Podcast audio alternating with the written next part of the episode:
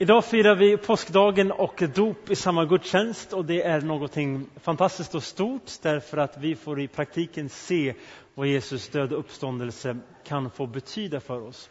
Vi sjöng nu den här dopsalmen, den är känd som, som det Tryggare kan ingen vara än Guds lilla barnaskara. Men hur kommer det sig att det är så att vi kan vara tryggare hos Jesus än utan Jesus? Det är det jag ville få tala kort med er om med rubriken Vad kan påsken få betyda för mig? Och på det här pappret som jag hoppas ni har fått så finns ramen för predikan. I måndags så var jag med min dotter Iris som sitter här och eh, tog en vaccinationsspruta. Det var den ordningen för henne. Och det var väldigt speciellt när vi kom in där hos, på BVC så förklarade BVC-sköterskan på ett fantastiskt sätt vad nu barnet skulle få. Ett vaccin mot difteri, stelkramp och kikhosta. Och det var ungefär en till två milliliter vätska i en liten spruta som stoppades in i hennes arm. Verkar det inte lite för enkelt att tre farliga dödliga sjukdomar nu avvärjs med det här lilla sticket? Det är svårt att förstå hur det där fungerar. Och så vet ju vi då att det är väldigt enkelt idag. Samtidigt bakom detta enkla så finns det något som är mycket storartat, oerhört fantastiskt. Och det är det som korset kan få vara. Det är någonting som på ett sätt är enkelt och samtidigt oerhört storslaget och även svårt att förstå vidden av. Verkar det inte lite för enkelt det som vi ibland säger och ofta säger i den här församlingen och som Bibeln talar om att sätt din tro och lit till att Jesus har uppstått för dig så får du syndernas förlåtelse och ett evigt liv. Jag vill få nämna någonting kort idag om varför vi skulle få, varför vi behöver Jesus.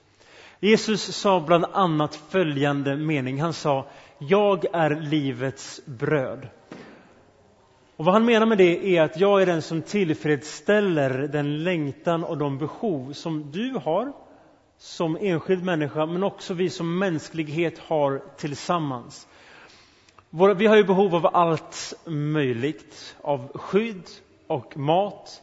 Men vi har också behov av trygghet, av hopp inför framtiden, av att inte behöva vara rädda för döden, att kunna få en ny start. Och det är det Jesus syftar på när han säger Jag är livets bröd. Jag är ditt bröd som kan mätta det som du hungrar efter.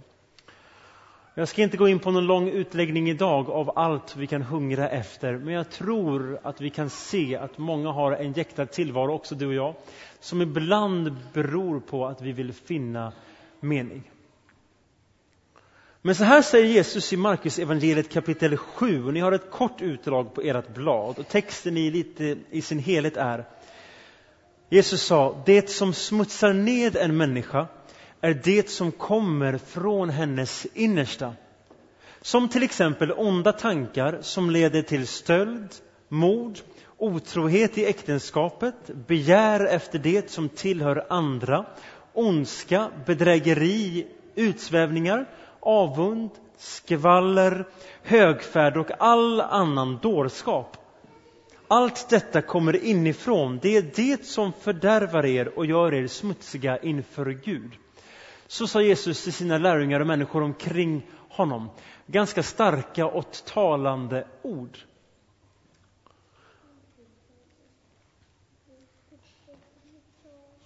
Här framför mig har jag min senaste faktura från mitt kreditkort, American Express, som jag använder.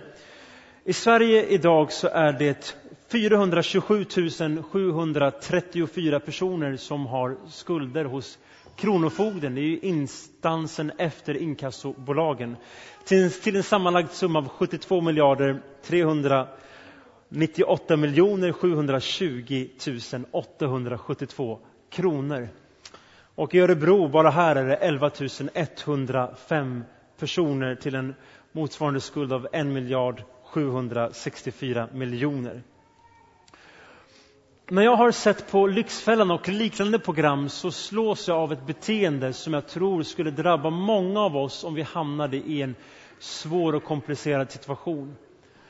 Vi märker att ofta är det så att när skulderna kommer in och den som drabbas av dem inte kan betala dem så inträder ett beteende där man vill ignorera att de har kommit. Ofta får man höra berättelsen av att de börjar slänga breven innan de ens har öppnat upp dem. Varför gör de det? Därför att de vet inte vad de ska göra med sin skuld och därför börjar man ignorera den. Men skulden fortsätter bara att växa och växa, ackumuleras mer och mer. Och liknande kan man säga att det är med synden. Jesus ger här en, ut, eller en beskrivning av många saker som vi alla drabbas av. Han börjar med stora saker som stöld och mord och han slutar med avund, skvaller, högfärd och annan dårskap. Och vår synd ackumuleras, den liksom växer mer och mer. Och vet vi inte vad vi ska göra med den, då är det svårt att vilja se att den finns. Den blir bara till en börda som inte jag kan bli fri ifrån. Det är det vi ser, tror jag, på många håll i vårt samhälle och i våra egna liv idag. Och då skriver Jesus lärjunge, eller en av de första kristna, i Kolosserbrevet 2. Ni som var döda på grund av era överträdelser, er har också Jesus gjort levande tillsammans. Han har förlåtit oss alla överträdelser och strukit ut det skuldebrev som med sina krav vittnade mot oss. Och det har han tagit bort genom att spika fast det på korset. Det Paulus gör är att han beskriver något som fanns på deras tid och som finns i våran tid. Skulder, liksom mitt kreditkortsbrev här, säger han, Jesus han har tagit det och han har rivit isär det genom att han dog på korset. Så enkelt och samtidigt så komplicerat. Och så slutar Paulus med orden Gud bevisar sin kärlek till oss genom att Kristus dog för oss medan vi ännu var syndare. Så att tala om synden är någonting fantastiskt därför att man kan få bli fri ifrån synden. Kan man inte bli fri ifrån den, då vill man inte tala om den. Det är därför vi gärna talar om den i den här församlingen.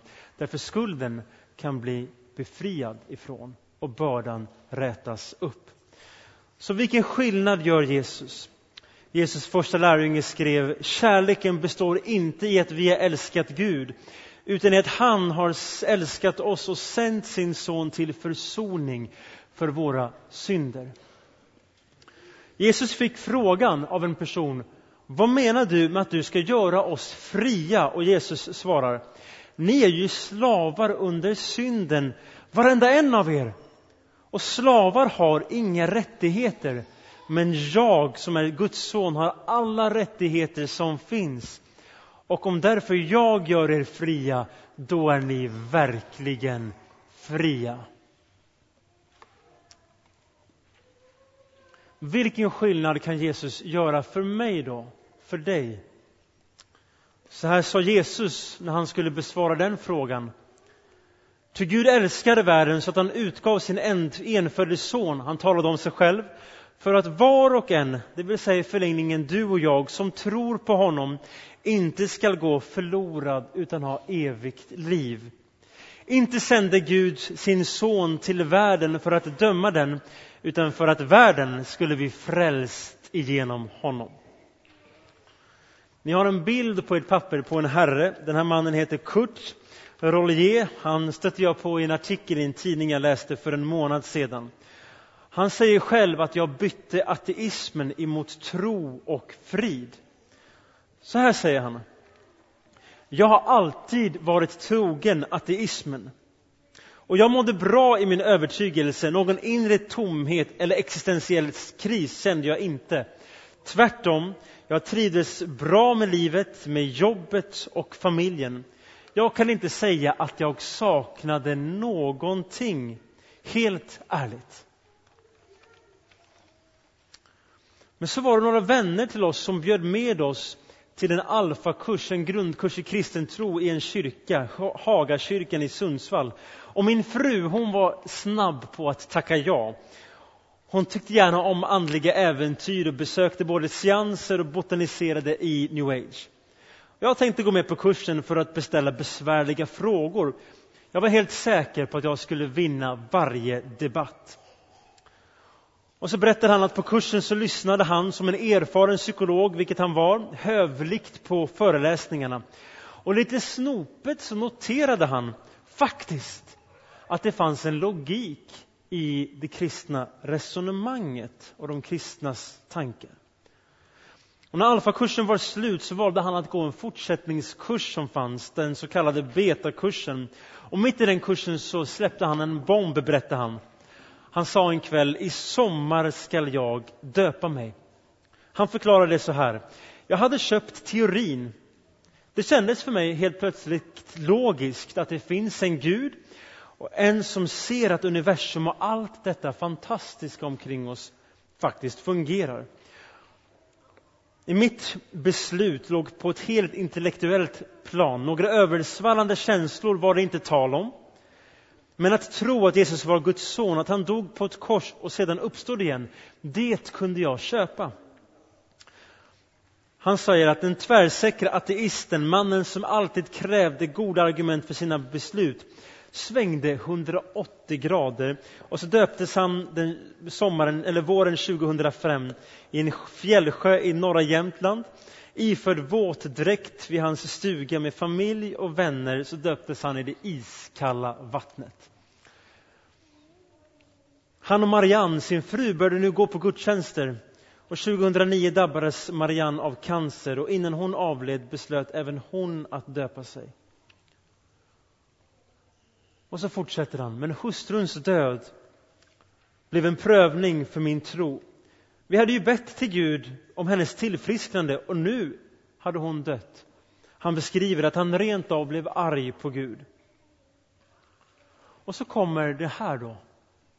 I det läget så valde jag att bejaka den helige Ande, den tredje personen i gudomen som Bibeln talar om, Fader, Son och Ande.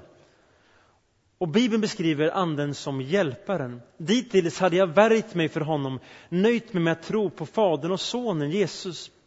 Och vid olika gudstjänster så började han nu be om förbön att få bli fylld av den helige Ande. Och då en gång kom den heliga Ande över mig. Det var så starkt att jag först inte kunde resa mig ur bänken där jag satt. Jag grät, men inte av sorg, men för att det kändes så bra. Och sedan dess har Anden varit just den hjälpare jag behövde. Han säger, innan handlade tron enbart om logik för mig, men nu har jag fått uppleva den kristna tron också innehåller kraft. Och han får frågan, och det vill jag avsluta med, vad är det du äger idag som du inte ägde tidigare? Han som inte saknade något när han inte var kristen, han var ateist. Han säger, framför allt ett lugn och en frid, en inre trygghet jag saknade innan. Kristendomen, säger han som avslutning, är en, är en relation. Det är det som är grejen med att vara kristen. Jag har direkt kontakt med min Herre. Jag har delat något kort för er idag om varför vi skulle behöva Jesus.